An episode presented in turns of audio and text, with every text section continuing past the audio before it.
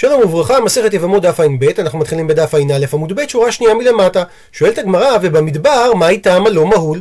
מה הטעם לכך שהעם שנולדו במדבר לא עברו ברית מילה?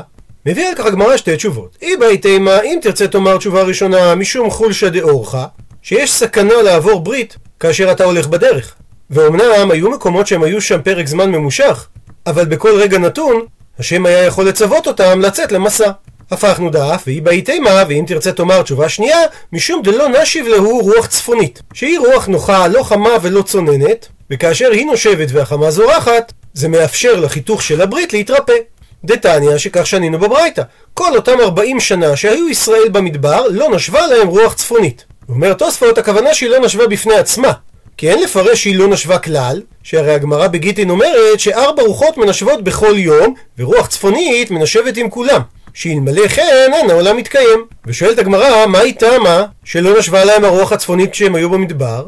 מביאה על כך הגמרא שתי תשובות, היא בהיתמה אם תרצה לומר משום דנזופים הבו ויש כאן מחלוקת רש"י תוספות. רש"י אומר שהם היו נזופים ממעשה העגל ולא היו ראויים לאור נוגה ותוספות לעומת זאת מביא בשם רבנו יצחק שהם היו נזופים ממעשה המרגלים ולא כמו שרש"י פירש ממעשה העגל שהרי מחל להם הקדוש ברוך הוא ואמר להם על מעשה העגל סלחתי וההוכחה לדבר שאחר כך נעשה משכן ואישרה שכינתו ביניהם. והיא בהיתמה, ואם תרצה תאמר תשובה שנייה, דלא נבדור ענני כבוד. שהסיבה שלא נשבה הרוח הצפונית, כדי שלא יתפזרו ענני כבוד שהיו מקיפים את עם ישראל, ומהסיבה הזאת לא הייתה החמה יכולה להיכנס. ומסיק מכך, אמר רב פאפא, הילקח יומא דאיבה ויומא דשותא, ביום המעונן או יום שרוח דרומית מנשבת, שזה הרוח הקשה מכל הרוחות, לא מהלינן בי ולא מסוחרינן בי. לא עושים ביום כזה לא ברית מילה ולא הקזת דם. והעידנא דדשו ברבים, אבל עכשיו שהרבים לא מתייחסים להוראה הזאת וזה הפך להיות נורמה, שגם ביום מעונן ויום שיש בו רוח דרומית, כן עושים ברית מילה, וכן מקיזים דם, או בזמננו תורמים דם, שלשני הדברים יש אפקט בריא. אין סכנה בדבר, כי כתוב בתהילים, נקרא בפנים, שומר פתאים אדוני דלותי וליהושיע. הוא מביא הגמרא תנו רבנן, שנו רבותינו בברייתא. כל אותם 40 שנה שהיו ישראל במדבר, לא היה יום שלא נשבה ברוח צפונית בחצי הלילה. והמקור לכך שנאמר, נקרא בפנים, ויהי בחצי הלילה ואדוני היכה כל בכור בארץ מצרים, מבכור פרעה היושב על כיסו, עד בכור השבי אשר בבית הבור, וכל בכור בהמה. עד לכאן לשון הברייתא, ושואלת הגמרא, מהי תלמודה? איך אתה לומד מהפסוק על מכת בכורות, שכשעם ישראל היה במדבר, רוח צפונית נשבה בחצות הלילה? עונה על כך הגמרא, הקא משמלן, באה הברייתא ללמדנו, דעת רצון מילתא היא. הוא מסביר רש"י, כיוון שהזמן של חצות הלילה היה עת רצון שאז חלה מכת בכורות, הרי זה אומר שהזמן הזה הוא תמיד עת רצון, גם עבור הרוח הצפונית שמנשבת בחצי הלילה. הוא מביא רש"י את הגמרא בברכות, זה היה סימן לדוד המלך, שכינור היה תלוי לו למעלה ממיטתו, והוא היה כלפי צפון, וכיוון שהגיע חצות הלילה, הרי רוח צפונית מנשבת בו, הוא מנגן מאליו, וזה היה השעון המעורר שלו. וחוזרת עכשיו הגמרא לענייני הראל, אמר אבונה, דבר תורה, משוך אוכל בתרומה, ומדבריהם גזרו עליו מפני שנראה כהראל. הוא מסביר רש"י, משוך זה מי שעבר ברית מילה, ואחר כך נמשכה אורלתו וכיסתה את העטרה. אז מדין תורה מותר לו לאכול בתרומה שהרי הוא מהול, אבל בגלל שהוא נראה כערל, חכמים גזרו עליו שלא יאכל בתרומה. מקשה הגמרא מאיתי וקושיה ממקור תנאי על דברי רב הונא, שאומרת התוספתא, משוך צריך שימול. ואם כך, אז גם מדאורייתא אסור לו לאכול בתרומה. מתרצת הגמרא שהתוספתא היא מדי רבנן. והתשובה הזאת מתבקשת, ולכן שואלת הגמרא, ודקרי לה, מה יקרי לה? מי שחשב להקשות, מה היה לו קשה? הצריך קטני, שהשתמשה הברייתא במילה צריך שימול, וזה בוודאי תוקף מדי רבנן, שהרי אם התוקף היה מדאורייתא, לשון הברייתא הייתה צריכה להיות משוך, הרי זה ערל. מסבירה הגמרא שהמקשה קטעי בסיפא, סוף הברייתא הטעתה אותו. שכתוב בסוף הברייתא, רבי יהודה אומר לא ימול מפני שסכנה היא לו. ואמרו לו לרבי יהודה, והלא הרבה מלו בימי בן קוזיבה והולידו בנים ובנות. הוא מסביר רש"י שבימי בן קוזיבה משכו מופדי כוכבים באונס בכרך ביתר, וגברה יד בן קוזיבה ונלחם בהם וניצחם, ואז הוא מלך על ישראל שתי שנים ומחצה. ואותם אנשים שעובדי הכוכבים משכו להם את העורלה באונס, חזרו ומלו את עצמם בימיו, והולידו בנים ובנות. אז למה אתה אומר לא ימול מפני שסכנה היא לו? ובנוסף הם אומרים לרבי יהודה, ניתן ללמוד שמשוך צריך שימול, מכך שכתוב נקרא בפנים הימול ימול יליד ביתך ומקנת כספך והייתה בריתי בבשרכם לברית עולם ומכפילות הלשון של הימול הימול לומדים שאפילו מאה פעמים צריך לעשות ברית. ואומר פסוק נוסף נקרא בפנים והרל זכר אשר לא ימול את בשר עורלתו ונכרתה הנפש ההיא מעמיה את בריתי הפר ומסיום הפסוק את בריתי הפר נדרוש שזה בא לחייב לרבות את המשוך למול בשנית עד כאן לשון הברייתא ולפני שהגמרא תסביר לנו מה הטעה בסיפא את המקשה, שואלת הגמרא, מהי ואומר? מדוע לא הסתפקה הברייתא בלהביא את כפל המילים ממול ימול, והביאה גם את המילים מהפסוק את בריתי אפר? מסבירה הגמרא, וכי תימה, ואם היה עולה על דעתך לומר, היי זה שכתוב הימול ימול זה בא לרבות ציצין המעכבין את המילה, שגם אחרי חיתוך העורלה, יש מציאות של ציצין, חתיכות בשר מהעורלה, שצריך לחזור ולחתוך אותם, ולכן לא ניתן ללמוד מזה לרבות את המשוך. תשמע, לכן בו שמע, יש פסוק נוסף, את בריתי הפר, ומשם בוודאי תלמד לרבות את המשוך.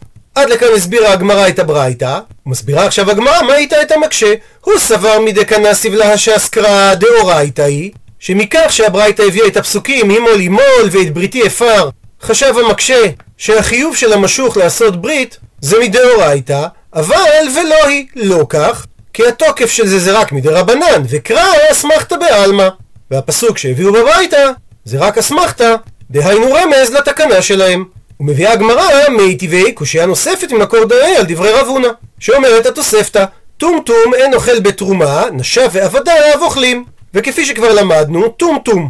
הכוונה היא לאדם שהוא סתום, ולא ברור אם הוא נקבה או זכר, אז הוא עצמו לא אוכל בתרומה, כי אם האור שמכסה את איבר המין שלו ייקרא, ייתכן והוא יימצא זכר והרי הוא ערל, אבל נשיו ועבדיו יכולים לאכול בתרומה, והגמרא בהמשך תפרש איך טומטום יכול להיות נשוי לאישה.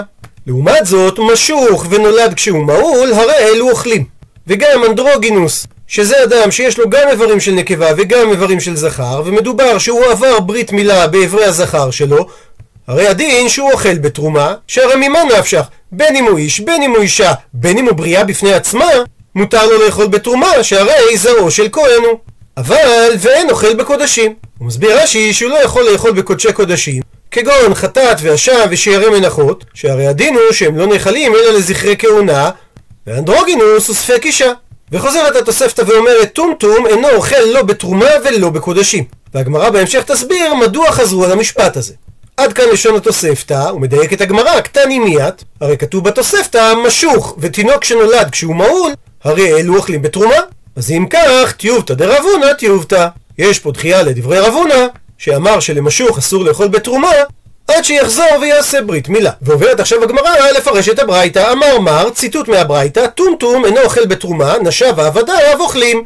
ושואלת הגמרא, נשב לטומטום מנהלי. מהיכן יש לטומטום אישה?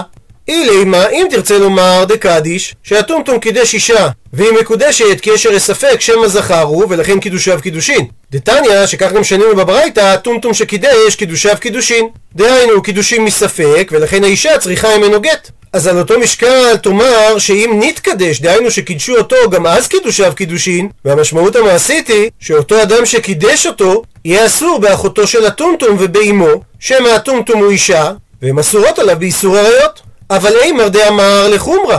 הדינים הללו נאמרו שמספק אנחנו מחמירים שהאישה שהוא קידש יצטרך גט, ושמי שקידש אותו אסור באחותו ובאמו, שזה לחומרה, הצד זה שאכן הקידושים תפסו. לכולה מי אמרינן?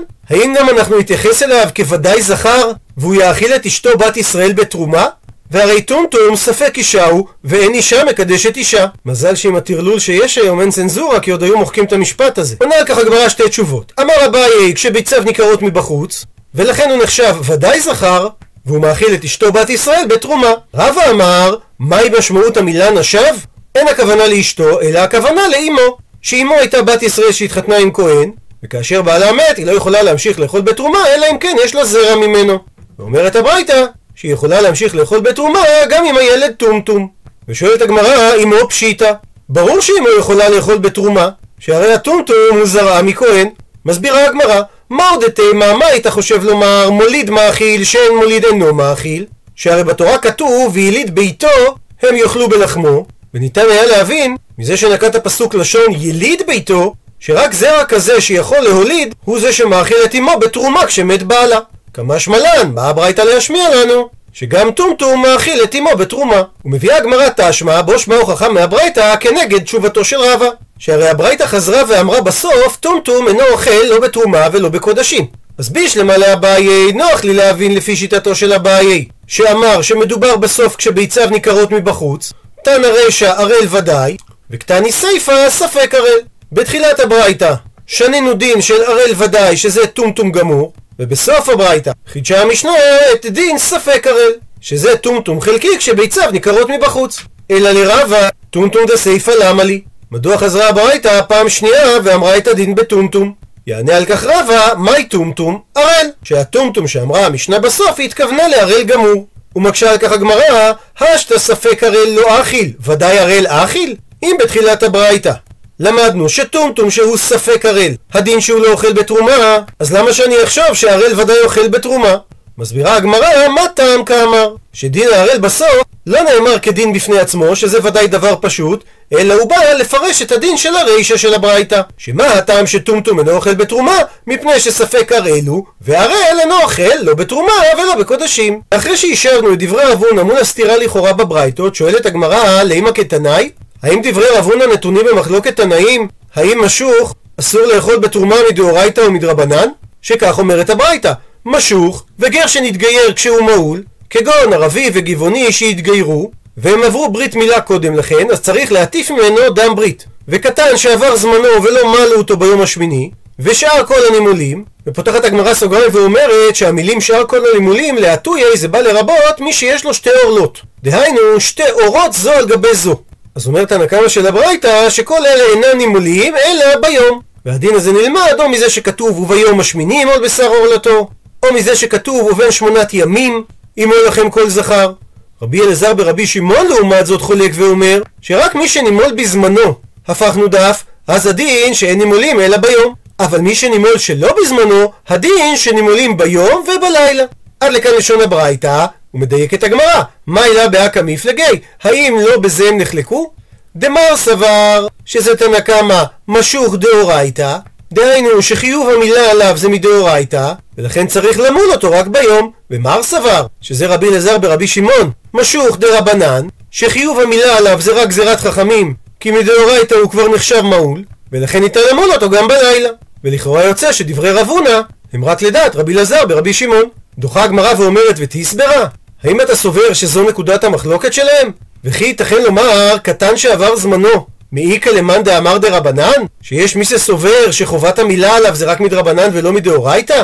אלא בהכרח צריך לומר דכולי עלמא גם תנא קמא וגם רבי אלעזר ברבי שמעון סוברים שמשוך זה דרבנן אבל מדאורייתא הוא נחשב מעול וקטן שעבר זמנו חיוב המילה עליו זה דאורייתא והכה בהכה מפלגי, ונקודת המחלוקת שלהם, מר סבר דרשינן וביום, ומר סבר לא דרשינן וביום. שהתורה יכלה הייתה לכתוב ביום השמיני ימול בשר עורלתו, והיא הוסיפה וו יתרה וכתבה וביום, ותנא כמה סובר שהוו הזאת באה לרבות גם מילה שלא בזמנה שהיא דווקא ביום. ורבי אלעזר ברבי שמעון לא דורש את הוו של וביום, ולכן הוא אומר שקטן שעברה זמנו, ניתן למול אותו אפילו בלילה. הוא מקשה רש"י איך ניתן ללמוד מכך על המשוך, שלפי כולם הוא נחשב מהול מדאורייתא ורק מדרבנן, גזרו שהוא צריך לחזור ולעבור ברית מילה. ועונה על כך רש"י, שחכמים מתקנים את תקנתם כאין דאורייתא. וממילא, לפי תנא קמא שלומדים שקטן שעברה זמנו, מתרבה מהוו של וביום, שמלאים אותו רק ביום,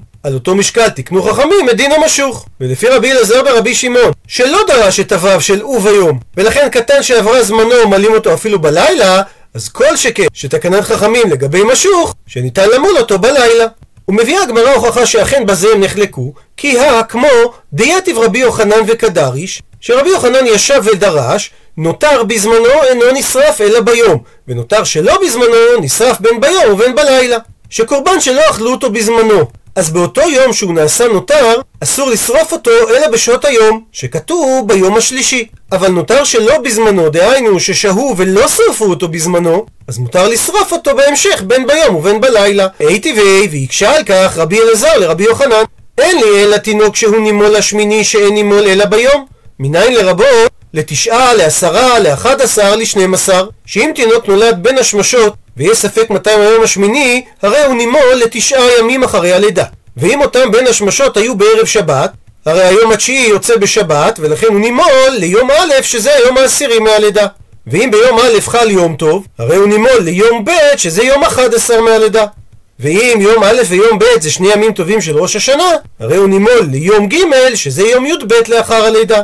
ומניין אנחנו יודעים שאת הברית הזאת גם עושים רק ביום, תלמוד לומר וביום. הוא ממשיך רבי אלעזר ואומר, ואפילו למען דלא דריש את הוו של וביום, הרי פה אין רק וו מיותרת, אלא יש וו וה' מיותרים. שהרי כתוב בפסוק והנותר, ובמקרה כזה גם הוא דריש את הוו וה' מיותרות, ובתגובה לקושייתו של רבי אלעזר, השתיק רבי יוחנן.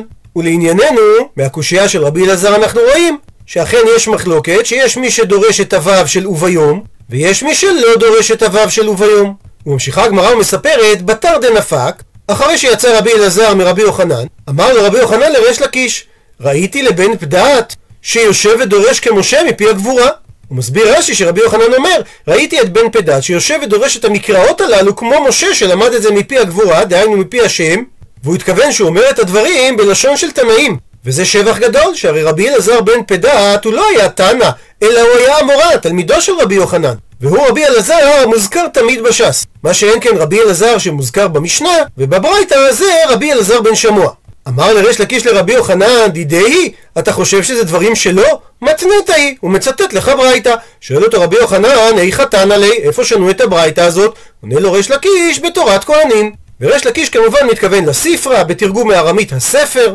נקרא גם תורת כהנים או ספרא דבי-רב, דהיינו הספר של בית המדרש של רב, הוא מדרש הלכה ספר ויקרא, שבבבל כינו אותו בשם ספרא, ומקורות ארץ ישראלים כינו אותו בשם תורת כהנים. שפר גורלו של הספרא מבין שאר מדרשי ההלכה, שבכל התקופות היה בו עיסוק ניכר, וחוברו עליו פירושים רבים. וכשרבי יוחנן שומע את זה, נפק תניי בתלת היומי, וסברה בתלת הירחי. הוא יצא ושנה את כל תורת כהנים בשלושה ימים, ואחר כך העמיק ובירר את הסברות שלה במשך שלושה חודשים. וממשיכה הגמרא, אמר רבי אלעזר, הראל שהיזה הזעתו כשרה, שכדי להיטמר מטומאת מת, שורפים פרה אדומה, את האפר שלה מערבים עם מי מעיין, ומזים על טמא המת ביום השלישי וביום השביעי לטהרתו, את מי החטאת באמצעות אזוב. והמקור לכך, מידי דהווה, הטבול יום, שאף על פי שאסור בתרומה, כשר בפרה.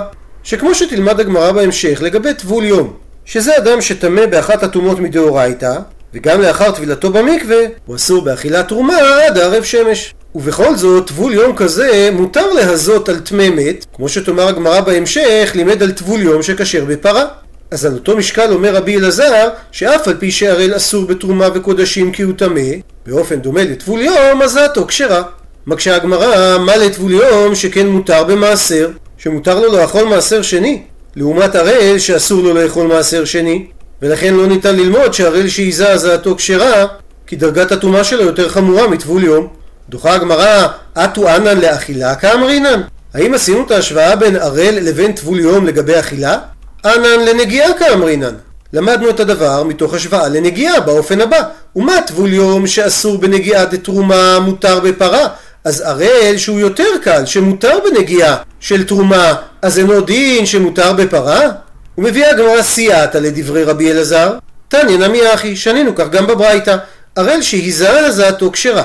ומעשה היה והכשירו חכמים הזעתו. מקשה על כך הגמרא, מי טבעי קושייה ממקור תניא על דברי רבי אלעזר, שאומרת התוספתא במסכת פרה, טומטום שקידש קידושו פסול מפני שהוא ספק ערל, וערל פסול יקדש, ואנדרוגינוס שקידש קידושו כשר. ומדובר על פעולת קידוש המים, דהיינו לערב את האפר במים, כדי שאפשר יהיה להזות אותם. אז טומטום שהוא ספק ערל, פסול לקדש מי חטאת כדין ערל, ואנדרוגינוס שהוא מהול בצד הזכרות שלו שקידש את המים, קידושו כשר. שהרי אפילו אישה כשרה לקדש את מי החטאת. לשיטת חכמים, כמו שהגמרא תלמד בהמשך. רבי יהודה לעומת זאת חולק ואומר, אף אנדרוגינוס שקידש קידושיו פסולים, והסיבה מפני שהוא ספק אישה, ואישה פסולה מלקדש. עד לכאן לשון התוספתא, ומדייקת הגמרא, קטני מיה, כתוב במפורש שערל וספק ערל פסוק מלקדש. וקשה על דברי רבי אלעזר. עונה על כך אמר רב יוסף, היי תנא, התנא הזה של התוספתא ממסכת פרה, תנא דבר רבי עקיבא הוא, הוא תנא מבית המדרש של רבי עקיבא, דמרבה ללערל כטמא. שהוא מרבה בהפסוקים שערל הוא כטמא, דתניא שכך שנינו בברייתא. רבי עקיבא אומר, על הפסוק שאוסר את הכהנים הטמאים לאכול בתרומה, נאמר איש איש מזרע אהרון והוא צרוע עוזיו, בקודשים לא יאכל. ומזה שהדגיש הפסוק איש איש, זה בא לרבות את הערל, שדינו כטמא, שהדינים שלהם שווים, שלשניהם אסור אפילו לגעת בתרומה. וממילא זה לא סותר את הלימוד של רבי אלעזר, שהוא למד שערל מותר בנגיעה בתרומה. אמר רבא, הווה עתיבנה קמא דרבי יוסף, ישבתי לפני רבי יוסף, וקשה לי. והיה קשה לי הדבר הבא, שאם כתירוצו של רבי יוסף, שרבי עקיבא לכל הדברים השווה את הראל לטמא, אז האם לא לשתם את תנא ולאיתני הערל והטמא? האם לא נמצא איזה תנא שישנה ביחד את הערל והטמא לאותו דין? ולימה, ואנחנו נאמר ששיטת רבי עקיבא היא. ומזה שלא מצאנו תנא כזה, משמע שזה לא שיטת רבי עקיבא, והסיבה שהתוספתא פסלה ערל לעבודות של פרה אדומה, זה רק משום החומרה שקיימת בפרה אדומה, אבל לעניין מגע תרומה, ערל מותר. מקשה הגמרא על דברי רבא, ולא, מצאת בשום מקום ברייתא ששונה יחד את הערל והטמא? והקטני, והרי כתוב בברייתא הבאה, הערל והטמא פטורים מן הראייה. דהיינו שבשלושת הרגלים הם פטורים מלהביא קורבן עולת ראייה. דוחה רבא את הקושייה ואומר, הטה משום דמייס. הסיבה שהברייתא אמרה יחד את הערל והטמא, זה לא בגלל שהדין שלהם שווה, אלא משום שערל מאוס להיראות באזהרה. אגב שהזכרנו את המחלוקת בין תנא קמא לרבי יהודה, האם אנדרוגינוס כשר לקדש מי חטאת או לא? אומרת הגמרא, ואז דו לטעמיו, והם הולכים לשיטתם דתניא, שכך שנינו בברייתא. הכל כשרים לקדש חוץ מחירש שוטה וקטן. הוא מסביר רש"י שהכוונה, כל הטהורים כשרים לקדש מי חטאת, אפילו אישה, אבל ערל וטמא לא כשרים בדבר. רבי יהודה לעומת זאת מכשיר בקטן ופוסל באישה ובאנדרוגינוס. הוא מבאר את הגמרא, מהי טעמא דרבנן? דכתיב, נקרא בפנים, שכתוב, ולקחו לטמא מעפר שריפת החטאת, ונתן עליו מים חיים אל כלי. וקידוש מי החטאת נעשה מיד אחרי שאספו את אפר הפרה, כך שהמילה לקחו מתייחסת להנח דפסלה באספה, וממילא הם גם פסולים בקידוש, והנח דקשרים באספה כשרים בקידוש. כפי שדורשת הגמרא במסכת יומא, שמזה שכתוב ואסף איש ולא קטן, ומזה שכתוב טהור זה בא להכשיר את האישה. ורבי יהודה אמר לך, אם כן, שהפסוק מדבר שמי שאוסף את האפר הוא גם אותו אדם שמקדש, נעימה קרס שיאמר הפסוק ולקח, שזה לשון יחיד, בדיוק כמו שכתב, לשון של יחיד באספה ואסף. מאי ולקחו, אז למה שינה הפסוק וכתב לשון רבים? אלא מסביר רבי יהודה, דאפילו הנח דפסולים הטעם כשרים האחה. כדי לומר שאפילו מי שהיה פסול באיסוף האפר כגון קטן, כשר בפעולת הקידוש. אי הכי, אבל אם כך שואלת הגמרא, אישה נמי. אז גם אישה כמו קטן תהיה כשרה בפעולת הקידוש, ולמה רבי יהודה מכשיר בקטן אבל פוסל באישה? עונה על כך הגמרא כי כתוב ונתן ולא כתוב ונתנה. הוא מסביר תוספות שההוכחה היא לא מכך שכתוב ונתן לשון זכר ולא ונתנה לשון נקבה, שהרי כל התורה בלשון זכר נאמרה, אלא ההוכחה מזה שזה פסוק מיותר. שהרי ניתן היה לכתוב ולקחו לטמא מעפר שריפת החטאת ועליו מים חיים אל כלי ומזה שאמרה התורה את המילה ונתן היא מילה מיותרת ומזה דייק רבי יהודה שאישה פסולה בפעולת הקידוש וממילא נשאלת השאלה ורבנן איך הם יסבירו את המעבר מלשון יחיד ואסף ללשון רבים ולקחו עונה על כך הגמרא, אי כתיב ולקח ונתן כפי שאמר רבי יהודה שצריך היה להיות כתוב אז הווה אמינא הייתי חושב שקיל חד ויאיב חד, שאחד לוקח את האפר ואחד שם את המים. ואסור שאדם אחד יעשה את שתי הפעולות. לכן כתב רחמנה ולקחו לשון רבים, כדי ללמד שגם אם שניים לוקחים ביחד את האפר או שניים נותנים ביחד את המים, שהפעולה כשרה.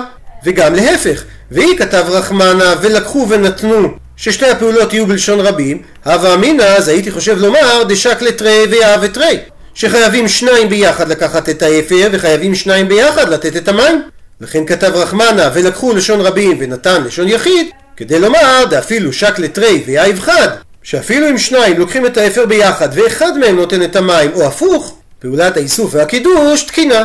עד לכאן דף ע"ב למעוניינים בהרחבה הזכירה הגמרא את בן קוזיבה. וידוע שחז"ל היו חלוקים ביחסם אל בר קוזיבה. מחד גיסא היה האיש נערץ על ידי רבי עקיבא וקשה לקום כנגד הערכה של רבי עקיבא. וזו כנראה גישת התלמוד הירושלמי.